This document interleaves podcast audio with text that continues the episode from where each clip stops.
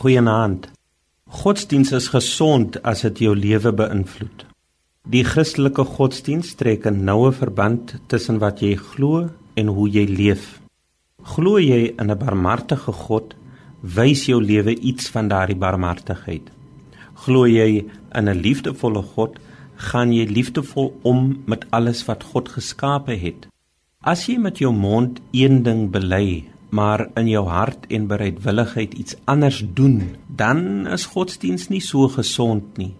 Die geskiedenis is vol tragedie as gevolg van die gebroke band tussen geloof en lewe.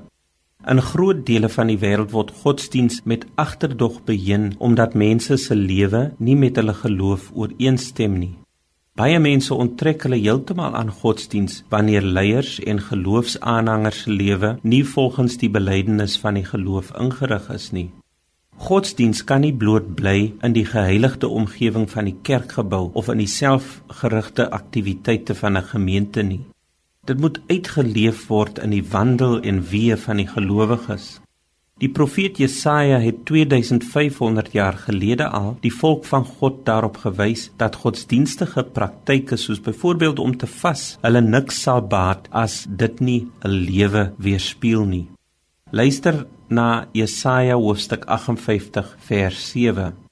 Is dit nie hierdie vas wat ek verkies dat jy vir die wat honger is van jou brood gee, dat jy aan die armes en die dakloses 'n blyplek gee, dat wanneer jy iemand sonder klere sien, jy vir hom klere gee, dat jy jou medemens nie aan sy lot oorlaat nie. Jakobus stel dit ewe sterk in sy brief in hoofstuk 2 verse 14, 17 en 18, 'n teks wat 500 jaar gelede 'n strydpunt tussen Christene geword het.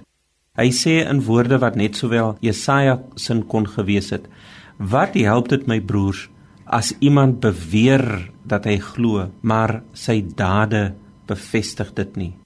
Kan so geloof 'n mens red? So gaan dit ook met die geloof. As dit nie tot dade oorgaan nie, is dit sonder meer dood. Wys dan vir my jou geloof wat sonder dade is en ek sal jou my geloof wys uit my dade. O Here, reinig ons geloof sodat ons dade dit uitwys en ons u genade mag ontvang en vrugte laat voortbring tot die ewige lewe. Amen.